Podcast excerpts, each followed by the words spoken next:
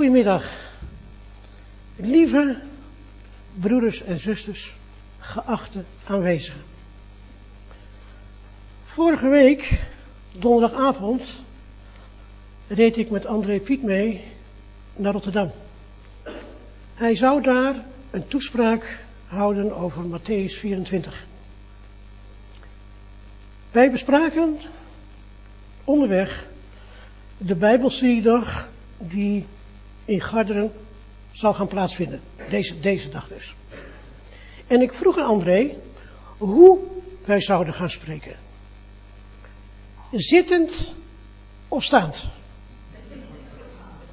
Hij zei, Menno, dat weet je toch? Dat hangt ervan af. Leraren zitten, profeten staan. Ik zei tegen hem, dat wordt er staan voor mij. Dat wordt er staan voor mij. en ik begon te lachen om mijn eigen grapje. Dat doe ik altijd. Ik lach altijd om mijn eigen grapjes. Waarom? Nou, dan weten mensen dat ik een grapje maak. Ja, ja, ja. Je kan tegenwoordig niet voorzichtig genoeg zijn. Voordat je het weet, heb je misverstanden. Ja? En toen zei ik, maar het, toch, maar het wordt toch wel zitten, denk ik. André werd nieuwsgierig. Hij zei, vertel. Ik zei, nou, het probleem is dat ik eigenlijk twee boodschappen heb. Een harde en een zachte. En tot nu toe kan ik nog geen keuze maken. De ene dag denk ik, ik doe de harde. En de volgende dag denk ik, nee, ik doe toch maar de zachte. André zei, nou, de Heer zal je wel wijsheid geven wat te doen. En toen kregen we het over heel andere onderwerpen. Over onze kinderen en over de parallellen tussen Matthäus 24 en Openbaring 6. En voor we wisten, waren we in Rotterdam. De volgende avond, donderdag, nee, vrijdagavond dus, sprak ik met een broeder met wie ik veel samenwerk. Zijn opinie is voor mij heel belangrijk. En we hadden het over mijn dilemma. En toen zei ik dat ik waarschijnlijk de harde boodschap zou gaan doen. En toen zei die broeder, ja, maar je moet de broeders natuurlijk geen aanstoot geven. Ik dacht, dat is waar. Dan toch de zachte variant. De avond daarna, zaterdagavond dus, was ik op een familieverjaardag. Ook de beste vriend van mijn oudste neef was daar aanwezig. Ik ken hem al heel lang. Maar eigenlijk ken ik hem niet echt. Het is een wat stille en gereserveerde figuur. Op een gegeven moment had ik een gesprek met mijn neef. En die vond van iets dat ik dat absoluut moest doen. Ik zei dat ik op dit moment geen tijd voor heb, maar dat ik erover zou nadenken. Die vriend van mijn neef had het laatste gedeelte van ons gesprek opgevangen. Hij nam mij apart. Hij ging recht tegenover mij zitten. Zijn gezicht stond heel ernstig. Hij zei, ik moet u iets zeggen. Ik hoop dat u er geen aanstoot aan neemt. Ik dacht, hé, hetzelfde woord. Aanstoot. Wat mijn broeder ook zei. En ik dacht, nou, nou zou je het krijgen, Menno, nou zou je het krijgen, hou je vast. Ik zeg, zeg het maar. Hij zei, ik wil niet onbeleefd zijn hoor, maar hoe oud bent u eigenlijk? Ik zei, 70. Hij zei, juist ja, juist ja, ik dacht al zoiets. Weet u, mijn vader is overleden toen hij net 70 was. Ik zei, oh, ja. De vriend van mijn neef legde heel onverwacht zijn beide armen op mijn armen. Een intiem en indringend gebaar. Hij zei, misschien heeft u niet veel tijd meer. Net zoals mijn vader. Doe wat u doen moet, stel het niet uit. Met deze woorden stond hij op en liep hij weg. Misschien heeft die vriend van mijn neef wel gelijk. Misschien heb ik niet zoveel tijd meer. En moet ik doen wat ik moet doen. En daarom krijgt u vandaag twee boodschappen. De harde en de zachte.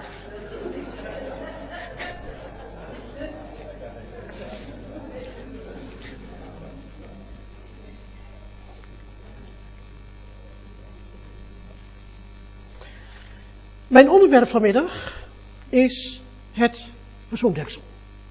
Of, zoals André vanmorgen in zijn presentatie al aangaf, juister gezegd, de beschutplaats. Om het vanmiddag eenvoudig te houden en om aan te sluiten bij uw Bijbelvertaling, zal ik steeds het woord verzoendeksel gebruiken. Maar u weet dan dat ik eigenlijk beschutplaats bedoel. Goed. Laten we eerst even naar de feiten kijken. Wanneer wij in onze Bijbelvertaling, in het Nieuwe Testament, het woord verzoendeksel opzoeken, dan vinden we dat in Hebreeën 9, vers 5.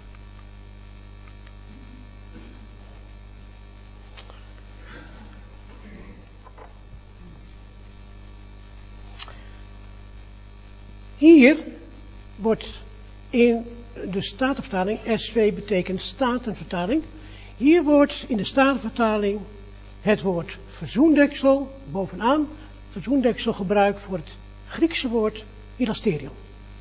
Ziet iedereen dat? Ook in de MBG-vertaling gebruiken ze het woord verzoendeksel voor het Griekse woord hilasterion. Dus beide Nederlandse Bijbelvertalingen gebruiken het woordje verzoendeksel voor het Griekse woord hilasterion.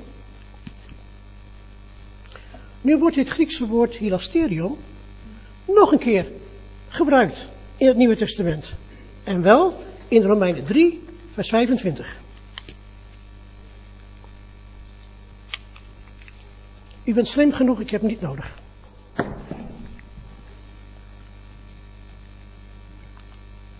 Oh, André, ik heb iets verkeerds gedaan. Ja, nu lacht hij nog, hè? Nu lacht hij nog, ja. Het is maar goed dat hij nu nog lacht, ja? Dat is een zachte versie. Dat is een zachte versie, hè? De zachte versie. Oké, dankjewel. Ja, ik moet elke keer op rechtknopje drukken. Ja, ik ben nu eenmaal een, uh, een digibate, weet je wel, dat soort dingen. Goed. Ja, het woordje hilasterion komt dus nog een keer voor in het Nieuwe Testament. En wel in Romeinen 3, vers 25. En wat zie je daar? Dat de Statenvertaling het vertaalt met verzoening. Ziet u dat? Maar de Statenvertaling gebruikt nog een keer het woordje verzoening. In het Nieuwe Testament. En wel in 1 Johannes 2, vers 2. En daar wordt het gebruikt voor het Griekse woord hilasmos. Even voor de duidelijkheid. Even voor de duidelijkheid. De Statenvertaling gebruikt het woord verzoening dus voor twee verschillende Griekse woorden. Voor hilasmos en voor hilasterion. Dat kan natuurlijk niet. Of hilasmos is verzoening, of hilasterion.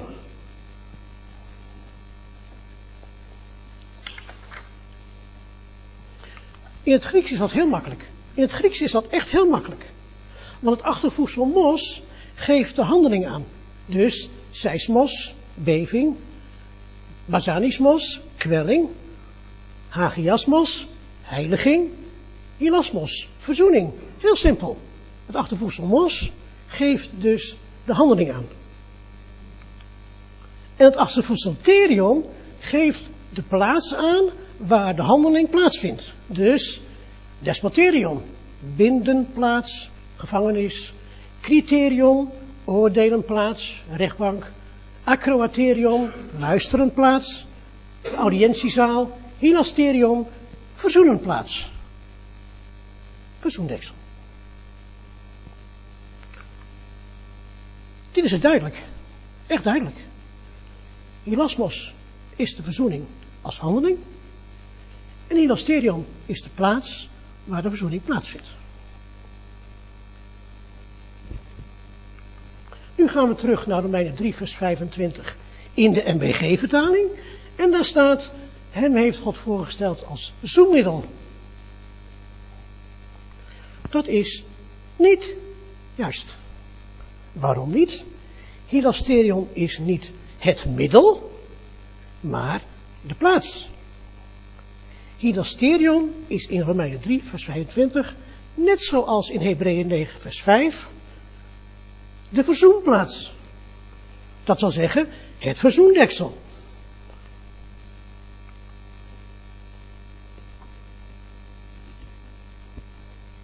Dus staat er in Romeinen 3, vers 25, want allen hebben gezondigd en der van de heerlijkheid Gods en worden om niet gerechtvaardigd uit zijn genade door de verlossing in Christus Jezus.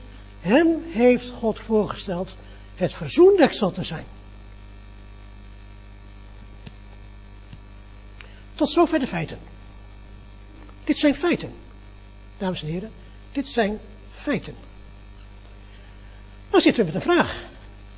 Ja, wat voor vraag? Nou, waarom de Bijbelvertalers het woord hilasterion met verzoening en met zoenmiddel vertaald hebben, terwijl er eigenlijk verzoendeksel staat. Laten we ons even verplaatsen in het proces van de Bijbelvertaling. Er is een vertaler van het Nieuwe Testament en deze deskundige vertaalt in Hebreeën 9 vers 5 het woord hilasterion met verzoendeksel. Terecht, want deze vertaler weet dat het woord hilasterion uit de Septuagint komt. De Septuagint is de oud-Griekse vertaling van het Hebreeuwse Oude Testament. In de Septuagint wordt het woord hilasterion uitsluitend gebruikt voor het Hebreeuwse woord kaporet, dat verzoendeksel betekent. Zonder enige twijfel betekent hilasterion verzoendeksel. Deze vertaler, een wetenschapper, heeft dus al het wetenschappelijk bewijs voor zich. Hilasterion komt 27 keer voor in het Oude Testament. Alle 27 keer wordt het woord hilasterion met verzoendeksel vertaald. En de vertaler is in Hebreeën 9 vers 5 ook het woord hilasterion tegengekomen. De vertaler moest daar hilasterion wel met verzoendeksel vertalen. Hij kon niet anders. Waarom niet? Nou, in dit vers is het verzoendeksel een onderdeel van de ark. En nou komt de vertaler bij Romeinen 3 vers 25. Daar staat weer het woord hilasterion. En deze vertaler weet dat het woord hilasterion verzoendeksel betekent. Maar hij vertaalt hilasterion hier in Romeinen 3 vers 25 met verzoening of zoemiddel. Waarom doet hij dat? Nou, omdat deze vertaler geen idee heeft waarom hier in Romeinen 3 vers 25 het woord persoondeksel gebruikt wordt. En nu staat deze vertaler niet alleen. Hij is lid van een vertaalteam. Een team van deskundigen. Deze teamleden lezen de vertaling van Romeinen 3 vers 25.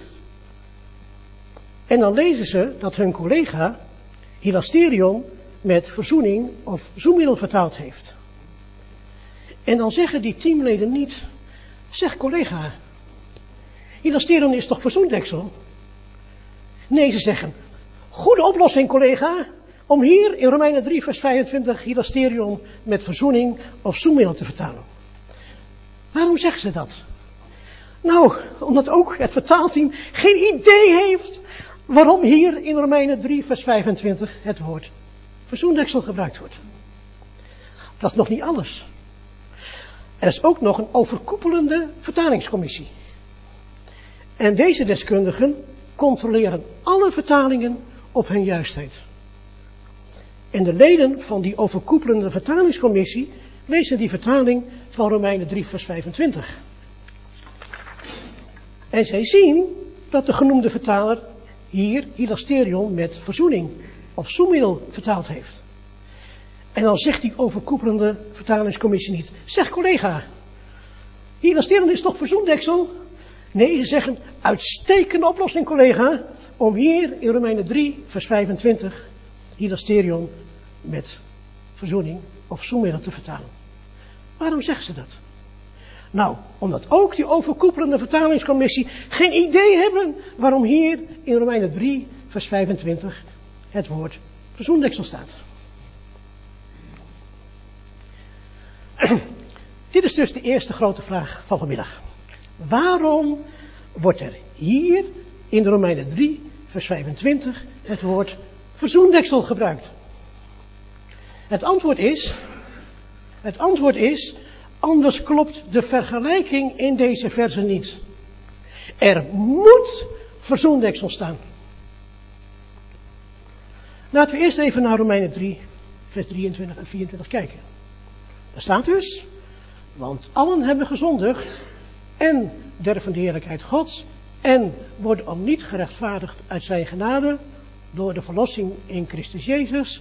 Hem heeft God voorgesteld het verzoendeksel te zijn. U ziet hier twee keer het voegwoordje en. Ik heb het even voor u onderstreept en zwart gemaakt. Twee keer het woordje en. Doordat er twee keer het woordje en staat, voegwoord, is het woordje allen weggelaten. Maar je moet het erbij lezen. Er staat eigenlijk, want allen hebben gezondigd en allen derven de heerlijkheid Gods en allen worden om niet gerechtvaardigd uit zijn genade door de verlossing in Christus Jezus. Hem heeft God voorgesteld het verzoendeksel te zijn.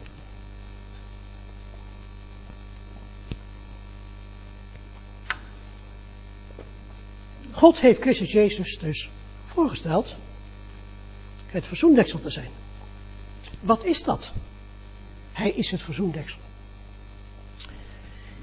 Zoals Gerard en André vandaag al genoemd hebben, eenmaal per jaar moest de hoge priester bloed sprenkelen op het verzoendeksel.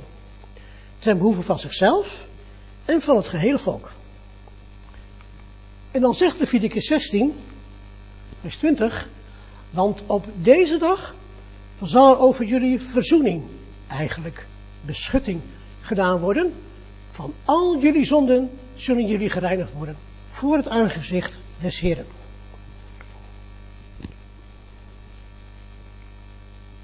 Ah, André. Wat doe ik nou verkeerd, man? Dan kom ik op moment suprême, hè? je altijd zien, hè? Moment suprême. Ja, ja. Niet doen, nee. Niet doen. Dus nog een keer. Nog een keer. Leviticus zegt dus. Ja. Nog een keer. Misschien wel goed om het even te herhalen. Heel goed dat het niet goed ging. Kan het nog herhalen? Ja, ja. Dus, hé Jacco. Niks zonder geval, hè? Niks zonder geval. Oké. Want op deze dag zal er over jullie verzoening, eigenlijk beschutting gedaan worden Luister goed, ik heb nog niet de nadruk gelegd. Van al jullie zonden zullen jullie gereinigd worden voor het aangezicht des Heeren.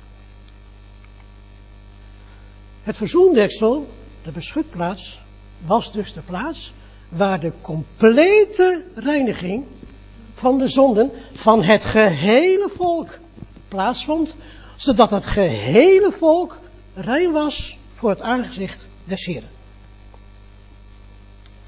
Het verzoendeksel was dus voor heel het volk. Voor iedereen. wat, wie iemand ook was en wat hij ook gedaan had, iedereen werd gereinigd van al zijn zonden. Waarom is Christus Jezus dus het verzoendeksel? Nou, omdat allen gezondigd hebben en allen derven de heerlijkheid Gods en allen worden om niet gerechtvaardigd uit zijn genade door de verlossing in Christus Jezus. Reiniging en verzoening voor allen dus. Daarom stelt God Christus Jezus voor het verzoendeksel te zijn. Verzoening voor allen, wie iemand ook is en wat hij ooit gedaan heeft. God heeft Christus Jezus dus voorgesteld het hilasterion, het verzoendeksel te zijn, zodat allen gerechtvaardigd worden. Als je dit woord hilasterion, hier in Romeinen 3 vers 25, vertaalt met verzoening of zoenmiddel, dan begrijp je deze versen niet. En als je deze versen niet begrijpt, dan begrijp je het evangelie, het goede bericht niet. Oh, nee, want je weet dan niet wat het goede bericht eigenlijk is. Oh nee, nee. Nou, wat is dat goede bericht dan? Nou, dat zal ik u vertellen. Het goede bericht is dat God allen rechtvaardigt, omdat Christus Jezus het verzoendeksel is. Dat is het goede nieuws. God rechtvaardigt dus allen. Nou zou je denken, hè, dat iedereen heel erg blij wordt van deze mededeling. En vooral de broeders. Nou, dat zou je gedacht wezen. Heel veel broeders worden juist heel erg zenuwachtig. Als je ze vertelt dat God allen rechtvaardigt. Waarom worden die broeders zo zenuwachtig? Nou, hun kerkgenootschap verkondigt dat God niet allen rechtvaardigt. En hun voorgangers spreken zware sancties uit tegen degenen die er anders over durven te denken.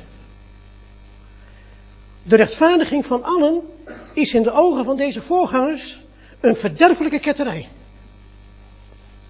Weet u, echt waar, echt waar, toen ik gisteren nog steeds aarzelde, nog steeds aarzelde, of ik deze middag een harde of een zachte boodschap zou spreken, toen werd ik bepaald bij juist dit punt. Dat de druk vanuit het kerkgenootschap zo groot is, dat mijn broeders eronder bezwijken. Dat hun emotie het wint van hun verstand. Mijn broeders zeggen dan, ja, Romeinen 3 vers 25 zegt wel dat God allen rechtvaardigt, maar dat kan niet waar zijn.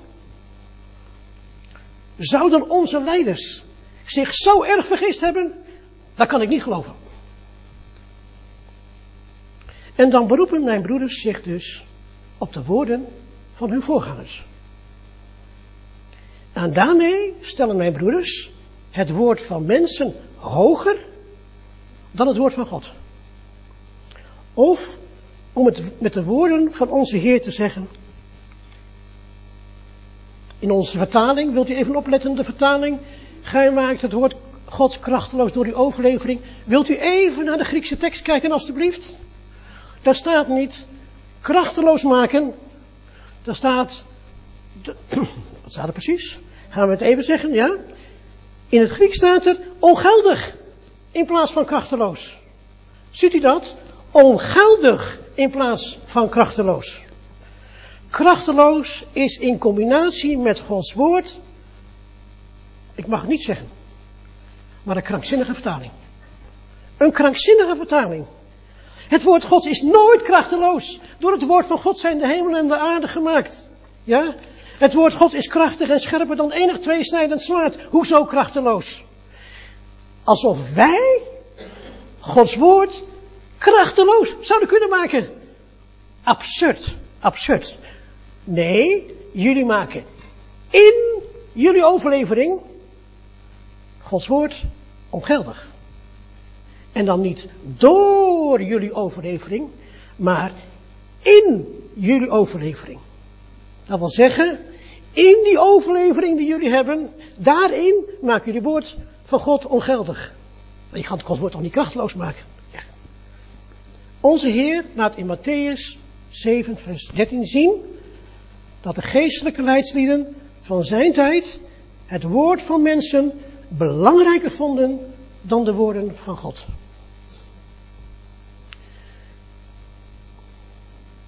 Ik waarschuw nu, nu komt de harde boodschap.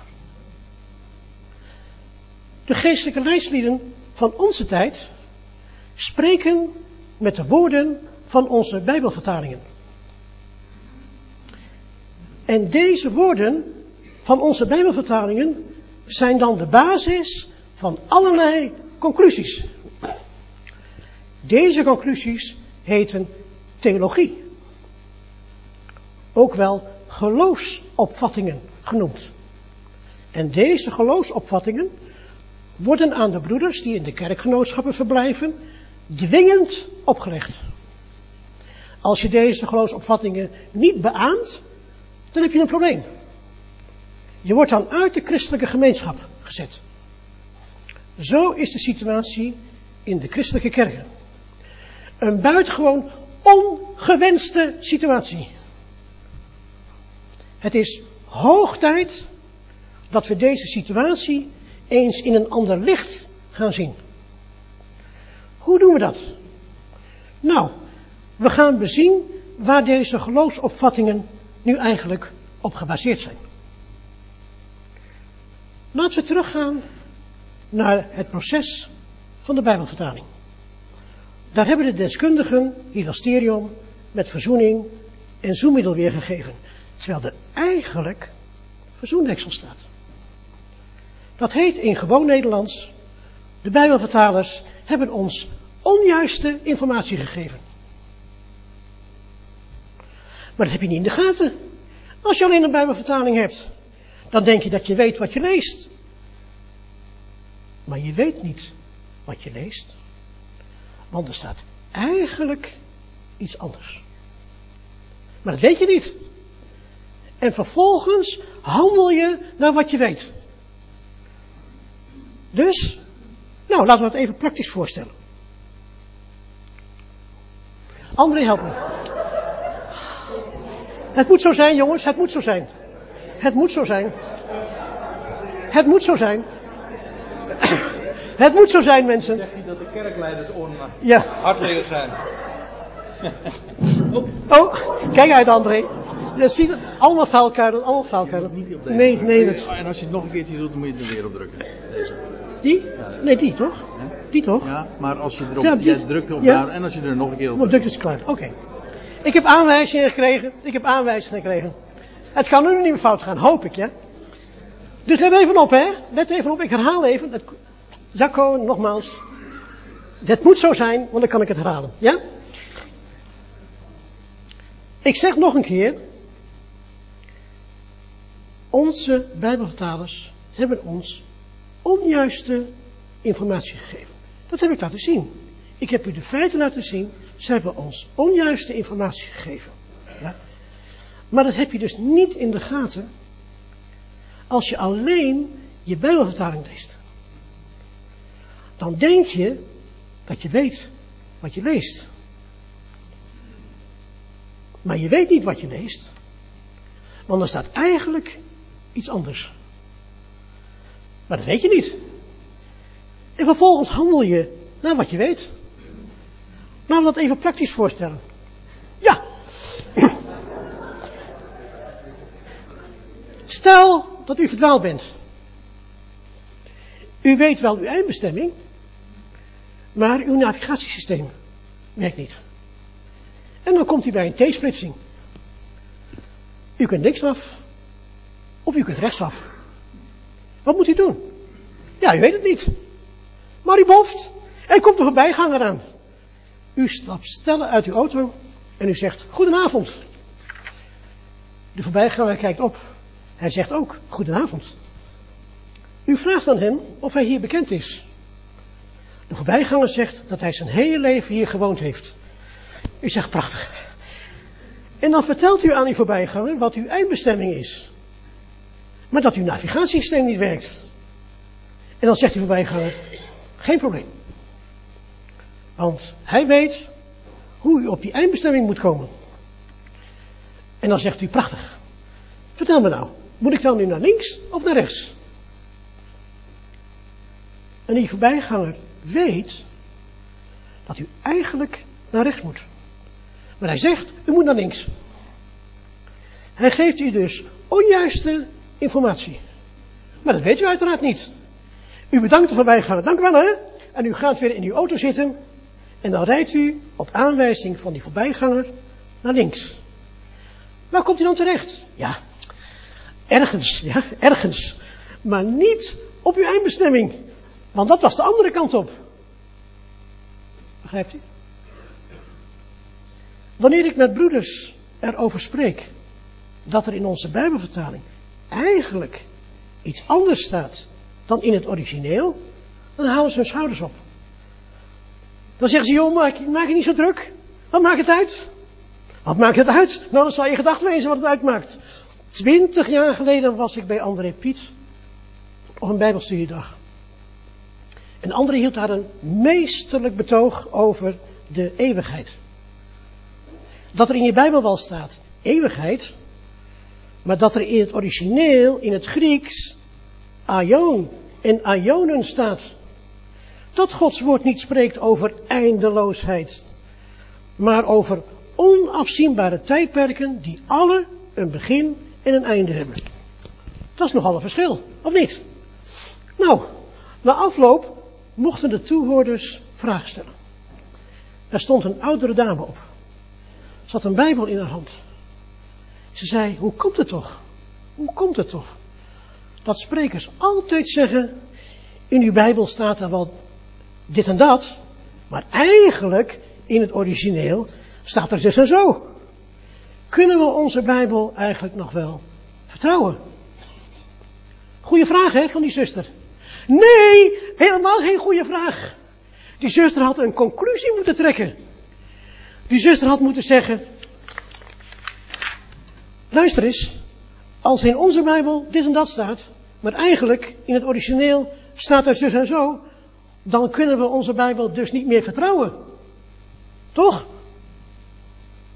De vraag, kunnen we onze Bijbel eigenlijk nog wel vertrouwen, is hetzelfde als een beetje zwanger zijn. Een beetje zwanger zijn is wartaal. Elke vrouw kan je dat vertellen. Je bent niet een beetje zwanger, je bent of zwanger of je bent niet zwanger. Zo is het met de Bijbel ook. De Bijbel is niet een beetje waar, de Bijbel is of waar of de Bijbel is niet waar. Begrijpt u? In de afgelopen 22 jaar hebben André de Mol en ik samen het ISA-programma ontwikkeld. Met ons programma vergelijken wij de grondtekst van de Bijbel met de Bijbelvertalingen. Dit computerprogramma is vrij beschikbaar op het internet. Wanneer u ons programma aandachtig bestudeert, dan zult u tot de conclusie komen dat niet één regel in de Bijbelvertaling een juiste weergave is van het origineel. Misschien denkt u nu dat ik overdrijf. Was het maar waar? Was het maar waar?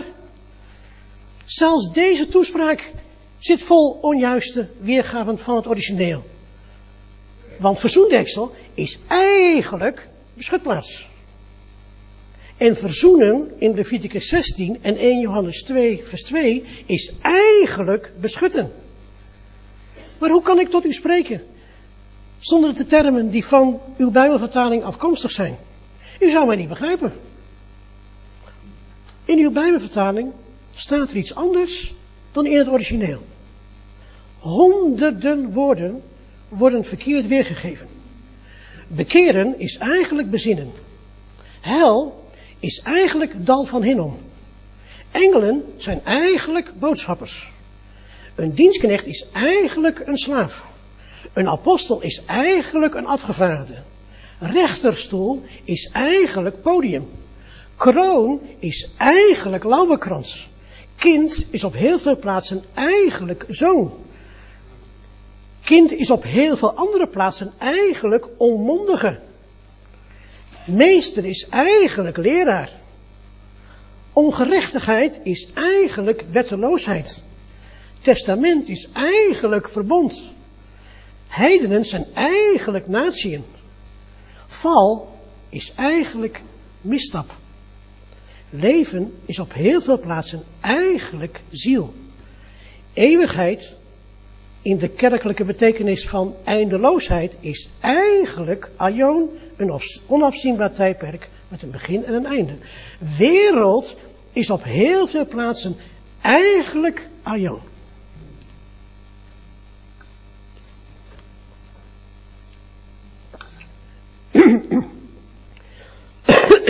Ook de grammaticale vormen worden in de Bijbelvertalingen door elkaar gewisseld. Tijdloze feiten worden weergegeven als handelingen, ja, zelfs als voltooide handelingen. Voorwaardelijkheid wordt weergegeven als werkelijkheid. Verleden, heden en toekomst lopen in de Bijbelvertalingen door elkaar heen. U leest in uw Bijbelvertaling iets. Ach, wat zal ik er wel zeggen? Weet u wel wat u leest? Nee, u denkt dat u weet wat u leest. Anderhalf jaar geleden stond ik hier ook. Op dezelfde plek. Ik sprak toen over, weet je wel wat je leest? Maar toen zei ik, nee, je denkt dat je weet wat je leest. Weet u wat zo vreemd was? De toehoorders namen mijn toespraak voor kennisgeving aan. Ze zeiden, interessant. Interessant? Er waren ook een aantal broeders die mijn woorden in twijfel trokken. Mag, mag. En een enkeling nam er aanstoot aan. Dat werd mij in de afloop ook kenbaar gemaakt. Weet u wat ik miste? Weet u wat ik miste? Verontrusting. Verontrusting heb ik gemist. Ik zal u dit vertellen. Als het echt tot je doordringt dat onze hele Bijbelvertaling bestaat uit iets wat er eigenlijk niet staat, dan breekt het zweetje uit. Dan word je heel erg verontrust. Maar ik zie hier geen onverontruste mensen. En weet u waarom u niet verontrust bent? Omdat u de consequenties ervan niet beseft. Wat zijn die consequenties dan? Nou, de geloofsopvattingen van alle kerkgenootschappen in de wereld zijn gebaseerd op hun Bijbel. Maar in hun Bijbel staat iets anders dan in het origineel. De geloofsopvattingen van alle kerkgenootschappen in de wereld zijn dus gebaseerd op iets wat er eigenlijk niet staat. Begint het bij u te dagen? Ik zeg het nog een keer. De geloofsopvattingen van alle kerkgenootschappen in de wereld zijn gebaseerd op iets wat er eigenlijk niet staat. Dat is het slechte nieuws. Wat is dan het goede nieuws? Dat het allemaal niks uitmaakt. Pardon?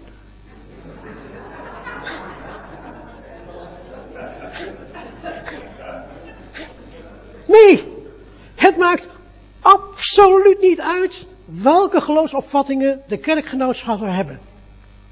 De geloofsopvattingen van de kerkgenoten zijn volstrekt niet ter zake doende. Niet? Nee. Waarom niet? Nou, wij worden door God uitsluitend gerechtvaardigd uit zijn genade door de verlossing in Christus Jezus. Hij is het verzoendeksel. Snapt u? En dan, en dan ben ik op vakantie in Londen met mijn vrouw. In deze grote wereldstad staat er om de paar honderd meter een ander kerkgebouw. Ik zie een Anglicaanse kerk, een Baptist Church, een Free Baptist Church, een Methodist Church, een United Reformed Church, New Life Ministries, de Worldwide Triumphant Church, te veel om op te noemen. Ik kan er bijna niet naar kijken.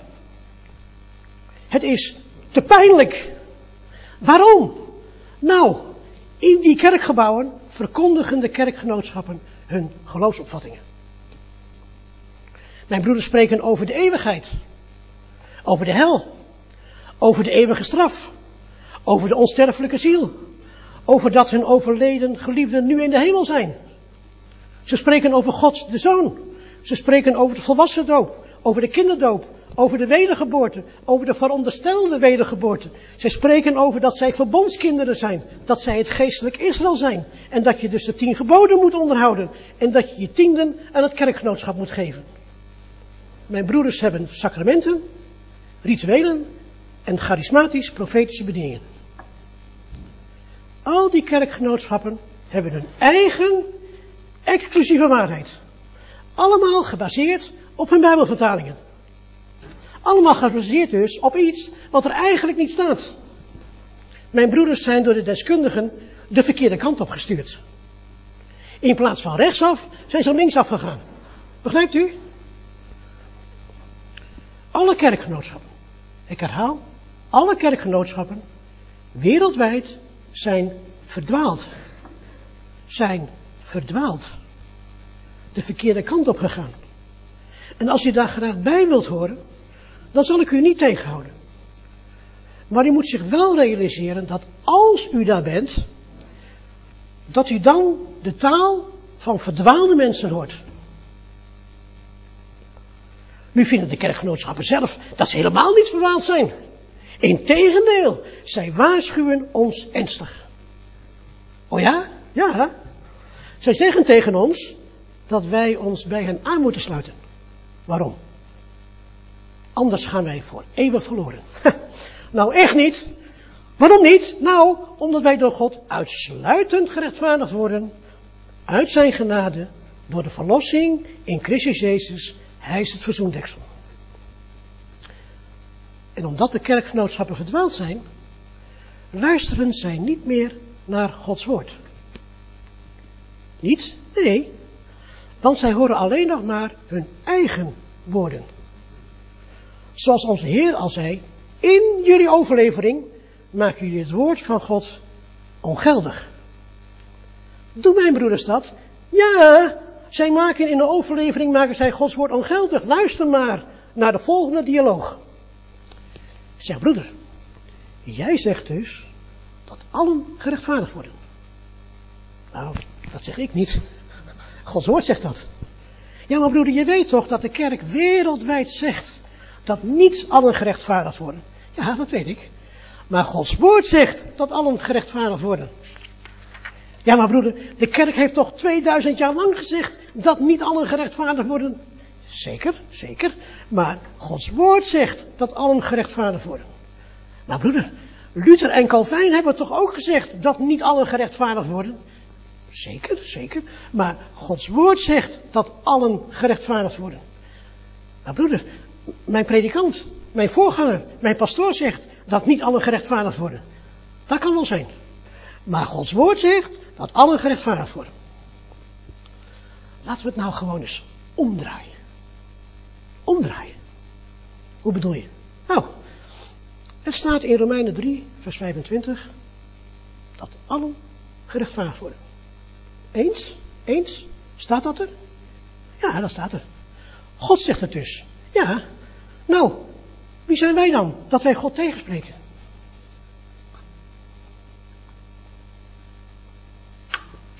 Weet u wat een van onze grootste problemen is?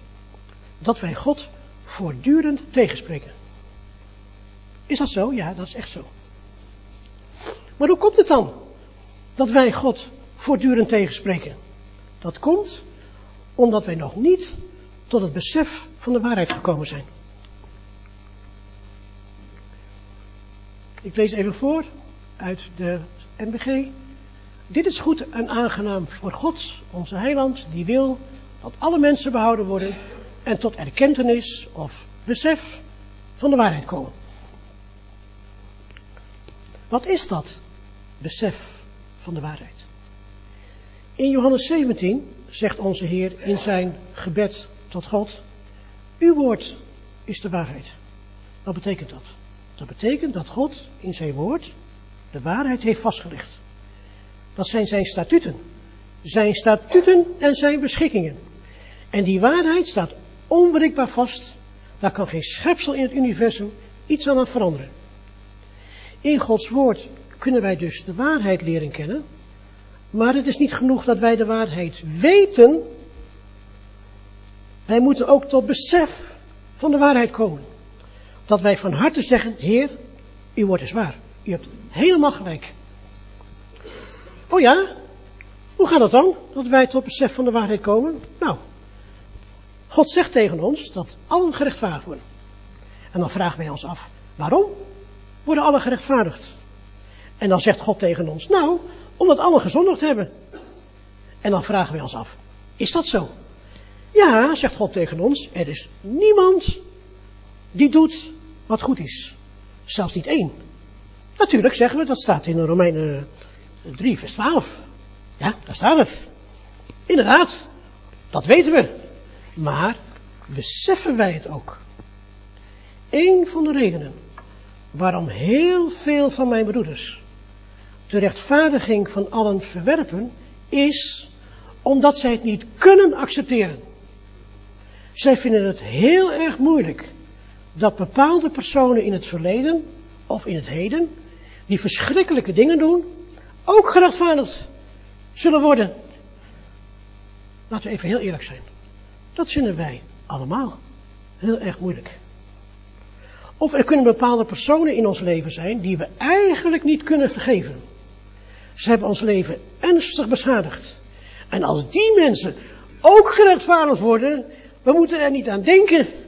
Dat zou absoluut niet eerlijk zijn. Weet u, eigenlijk vinden we dat die personen de genade van God niet verdienen. Dat is op zichzelf natuurlijk een hele vreemde gedachte. Want als je genade verdient, dan is het geen genade meer. Ja? Maar goed, laten we zeggen dat wij toch gevoelsmatig aan die gedachte vasthouden. Wij vinden dat die personen waar wij zo moeite mee hebben, de genade niet verdienen. Daarmee zeggen wij eigenlijk dat wij de genade wel verdienen. Want wij vinden van onszelf dat wij best wel goed bezig zijn. Wat zeg ik? Wij zijn zelfs heel goed bezig. Maar Gods woord waarschuwt ons ernstig dat wij nooit van onszelf moeten denken dat wij goed bezig zijn. Is dat zo? Ja, dat is echt zo. Als u in uw Bijbel kijkt, dan ziet u in, bij Romeinen 3 vers 12 een verwijzing naar Psalm 14. Want Romeinen 3 vers 12 is een citaat van Psalm 14. En onze Heer kende die tekst ook. En hij besefte de waarheid daarvan. In Marcus 10, vers 17 lezen we dat iemand voor onze Heer op zijn knieën valt. En aan hem vraagt, goede meester, wat moet ik doen? En dan reageert de Heer meteen. Hij zegt, wat noem je mij goed? Niemand is goed dan God alleen. Wij moeten er dus op letten dat wij onszelf niet goed noemen. Of dat wij onszelf heel goed vinden. Niemand is goed dan God alleen. En omdat niemand doet wat goed is, hebben allen het verzoendeksel nodig. Begrijp je? Er zijn ook heel veel broeders die om een heel andere reden de rechtvaardiging van allen verwerpen. Ze zeggen dan, ik heb voor God gekozen. Ik heb voor God gekozen. En de ongelovigen niet. Misschien denkt u ook wel zo. Mag ik wat zeggen? We hebben helemaal niet voor God gekozen. Oh nee, nee, we hebben hem zelfs niet eens gezocht. Oh nee, nee, want Romeinen 10, vers 20 zegt, ik ben gevonden, doe u mij niet zochten. Laten we dus niet zeggen dat wij God gezocht hebben, want dan spreken wij God tegen. De genade van God is juist dat Hij ons gezocht heeft. Nu zijn er misschien mensen in deze zaal die vandaag voor het eerst op een bijeenkomst zoals deze aanwezig zijn. En die het allemaal wel mooi maar ook allemaal een beetje vreemd vinden. Tot hen wil ik zeggen, ik begrijp dat u het allemaal een beetje vreemd vindt. Maar eigenlijk is het allemaal heel eenvoudig. Oh ja? Ja. Kijk, u hebt God nooit gezocht. U zou ook niet weten hoe. Maar God zoekt u. Hij komt naar u toe. En dan spreekt hij tot u in een kerk, of op straat, of op uw werk, of op het internet, of misschien hier wel, in deze bijeenkomst. En dan zegt hij tot u, ik rechtvaardig jou. Want mijn zoon is het verzoendeksel. En vreemd genoeg weet u in uw hart dat het waar is. U weet dat het God is die tot u spreekt. En dan hoeft u alleen maar te zeggen, Heer, het is waar wat u zegt. Dank u Heer, u rechtvaardigt mij, want uw zoon is het verzoendeksel. En dan bent u een kind van God. Zo simpel is het. Dat meen je niet. Ja, dat meen ik wel. Weet u waarom? Nou, u bent tot besef van de waarheid gekomen. Of niet? En daar gaat het om. God wil dat u tot besef van de waarheid komt. Nu zijn er ook broeders die al jaren geleden door God zijn geroepen. Ze gaan hun heel leven al naar de kerk.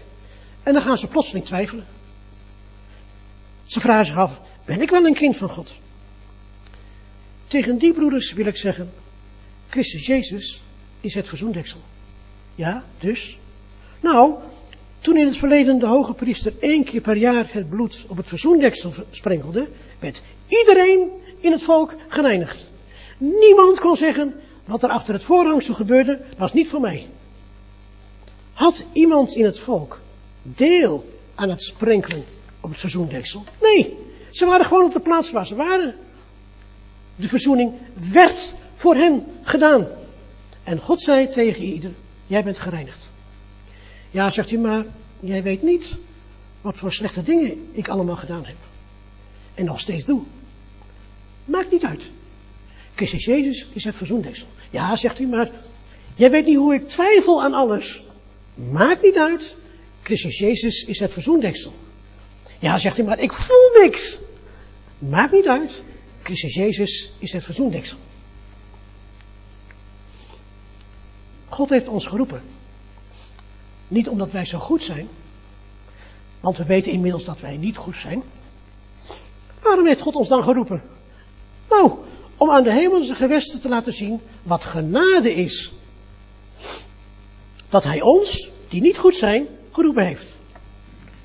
En dat Hij ons, zonder tegenprestatie, rechtvaardigt uit zijn genade door de verlossing in Christus Jezus. Hij is de verzoendeksel. Waar blijft het roemen dan? Het is uitgesloten. En als wij tot besef van de waarheid gekomen zijn, dat God ons in volstrekte genade geroepen heeft, dan kunnen wij onze broeders ook aanvaarden. Waarom? Nou, omdat onze broeders ook in volstrekte genade geroepen zijn. Ook zij zijn niet goed. En ook zij worden gerechtvaardigd uit zijn genade door de verlossing in Christus Jezus. Hij is het verzoendeksel.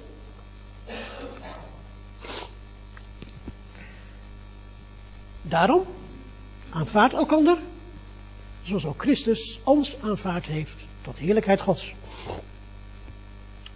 Wij kunnen dan onze broeders aanvaarden. Zoals Christus ons ook aanvaard heeft tot heerlijkheid Gods. Is een broeder Rooms-Katholiek? Prijs God. Is een broeder Nederlands hervormd? Dank u Heer. Is een broeder gereformeerd? Prijs God. Is een broeder christelijk gereformeerd? Dank u Heer. Is een broeder artikel 31 binnenverband? Prijs God.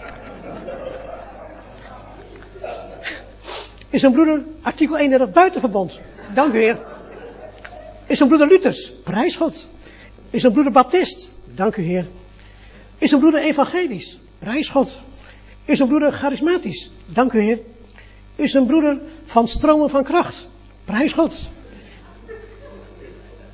Is een broeder van stromen van levend water? Dank u Heer. Gedraagt een broeder zich naar onze waarden en normen. Prijs God. Gedraagt dan broeder zich niet naar onze waarden en normen. Dank u Heer. Paulus gebruikt een heel hoofdstuk om deze kwestie te bespreken.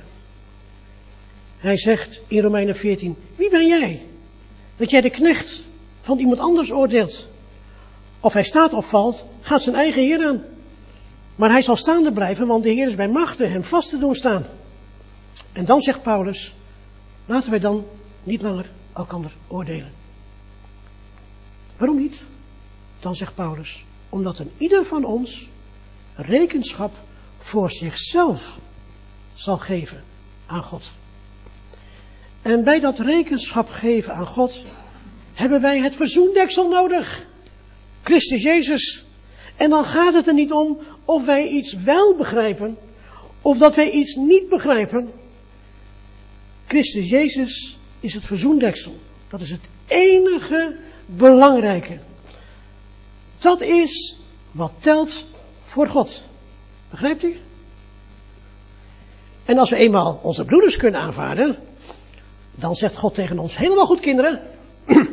maar weet je, ik rechtvaardig allen. Want ik ben de redder van alle mensen. Niet voor alle mensen, van alle mensen. En ik heb mijn zoon gezonden als redder, heiland, van de wereld. Dat van alle mensen en van de wereld is een nadere omschrijving van het woord redder. Kijk, op zich zegt het woord redder niks. Er zijn honderdduizenden redders in de wereld. Een man redt, redt een kind uit het water. Dan is die man de redder van een kind. Een vrouw redt in Pieterburen zieke zeehondjes. Ja. Dan is zij de redder van de zieke zeehondjes in Pieterburen. Als u op uw computer een bestand heeft, dan redt u een bestand zodat het niet verloren gaat. Dan bent u, bij wijze van spreken, de redder van het bestand. Maar God is de redder van alle mensen.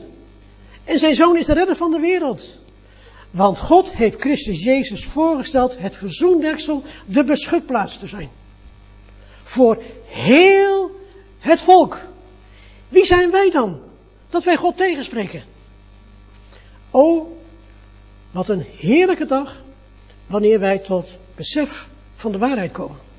Dat wij zeggen, Heer, uw woord is waar. U hebt helemaal gelijk.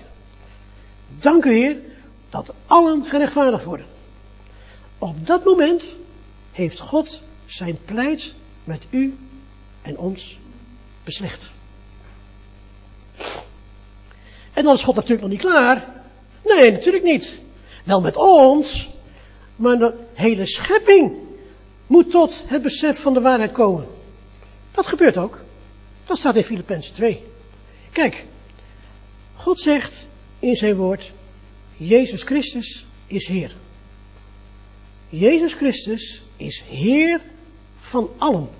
Van levenden en van doden, ja, van de hele schepping. Dat is Gods statuut. Dat is Gods beschikking. En dan zeggen sommige van zijn schepselen, ik geloof niet dat Jezus Christus mijn Heer is. Dat maakt geen verschil. Jezus Christus is hun Heer. Of ze dat nu wel of niet geloven. En dan zeggen sommigen van de schepping, ja, maar ik accepteer Jezus Christus niet als Heer. Dat maakt geen enkel verschil.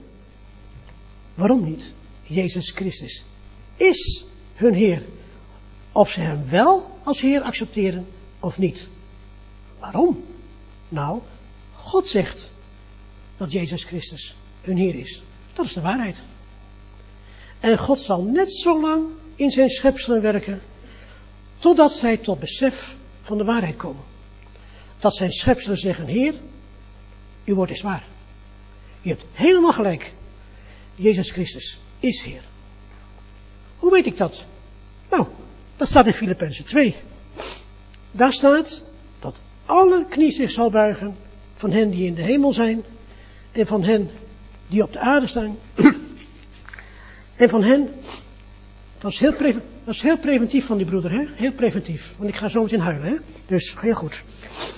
Daar staat dat alle knieën zal buigen van hen die in de hemel zijn en van hen die op de aarde zijn en van hen die onder de aarde zijn en alle tong zal beleiden dat Jezus Christus Heer is. In Filippenzen 2 is de hele schepping dus tot erkentenis van de waarheid gekomen. Dan heeft God zijn pleit met de hele schepping beslecht. Wat een glorieus moment zal dat zijn. Eens, als de bezuinen klinken, uit de hoogte, links en rechts, duizend stemmen ons omringen. Ja, en amen wordt gezegd. Rest er niets meer dan te zingen.